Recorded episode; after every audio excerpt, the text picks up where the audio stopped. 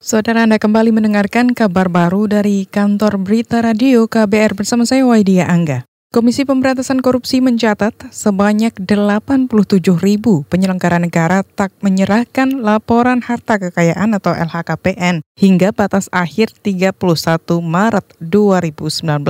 Juru bicara KPK Febri Diansyah mengatakan sektor legislatif dalam hal ini DPR dan DPRD memiliki tingkat kepatuhan terendah yakni hanya 56 persen. Namun KPK mengapresiasi sejumlah DPRD yang kepatuhannya mencapai 100 persen antara lain di Temanggung, Surakarta, dan Gorontalo. Nah, untuk tingkat kepatuhan yang paling rendah itu adalah sektor legislatif dalam hal ini DPR dan DPRD yang DPR 56,32 persen. Meskipun kami juga apresiasi ya ada 312 orang artinya yang sudah melaporkan kekayaannya di tengah kondisi yang uh, seperti ini. Jadi nanti kami akan umumkan nama-nama dari anggota DPR anggota DPD dan anggota DPRD yang sudah melaporkan kekayaannya. Juru bicara KPK, Febri Diansyah, menambahkan, pihaknya menyerahkan pemberian sanksi ke lembaga masing-masing. Febri beralasan tiap instansi memiliki aturan yang berbeda. KPK masih menerima wajib lapor yang ingin menyerahkan LHKPN. Namun dalam laporan itu bakal ada catatan tentang keterlambatan pengisian. Kita ke berita selanjutnya. Badan Pusat Statistik atau BPS mencatat penumpang pesawat domestik anjlok 15 persen pada Februari 2019.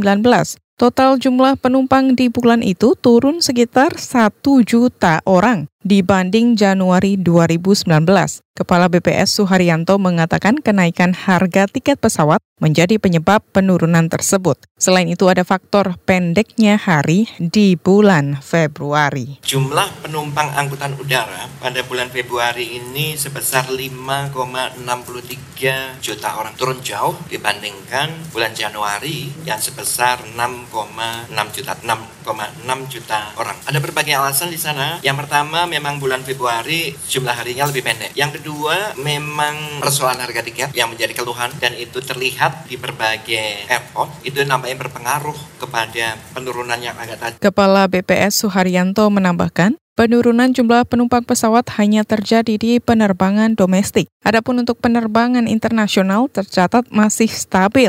Ia berharap tarif tiket pesawat bisa segera turun pasca penerbitan peraturan Menteri Perhubungan yang menaikkan batas bawah harga tiket sebesar 35 persen dari nilai batas atas.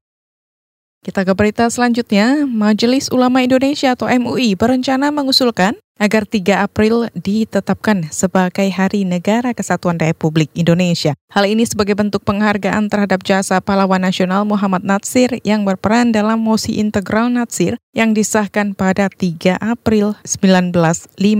Mosi ini menandai kembalinya sistem pemerintahan Indonesia menjadi kesatuan yang digagas Natsir. Ketua MUI Bidang Hubungan Luar Negeri Muhyiddin Junaidi mengatakan usulan tersebut juga sebagai upaya meredam stigma isu Islam anti NKRI.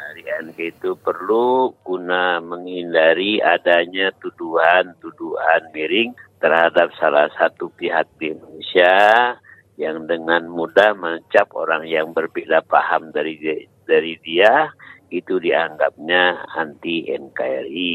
Ketua MUI Bidang Hubungan Luar Negeri Muhyiddin Junaidi menambahkan pihaknya tengah membentuk tim panel ahli yang bertugas merumuskan usulan tersebut. Mereka akan membuat proposal resmi dan akan diserahkan kepada Presiden Joko Widodo.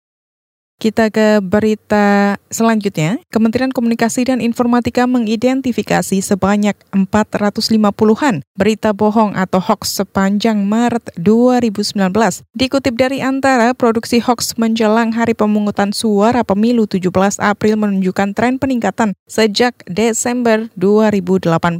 Pada awal tahun ini, jumlah hoax mencapai 175 konten kemudian melonjak dua kali lipat pada Februari dan terus naik menembus angka 450-an lebih pada Maret 2019.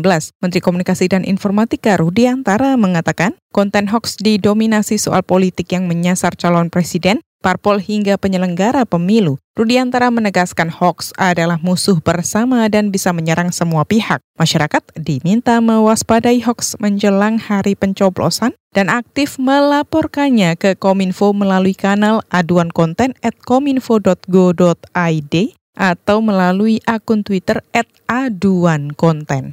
Saudara demikian kabar baru dari KBR, saya Waidia Angga.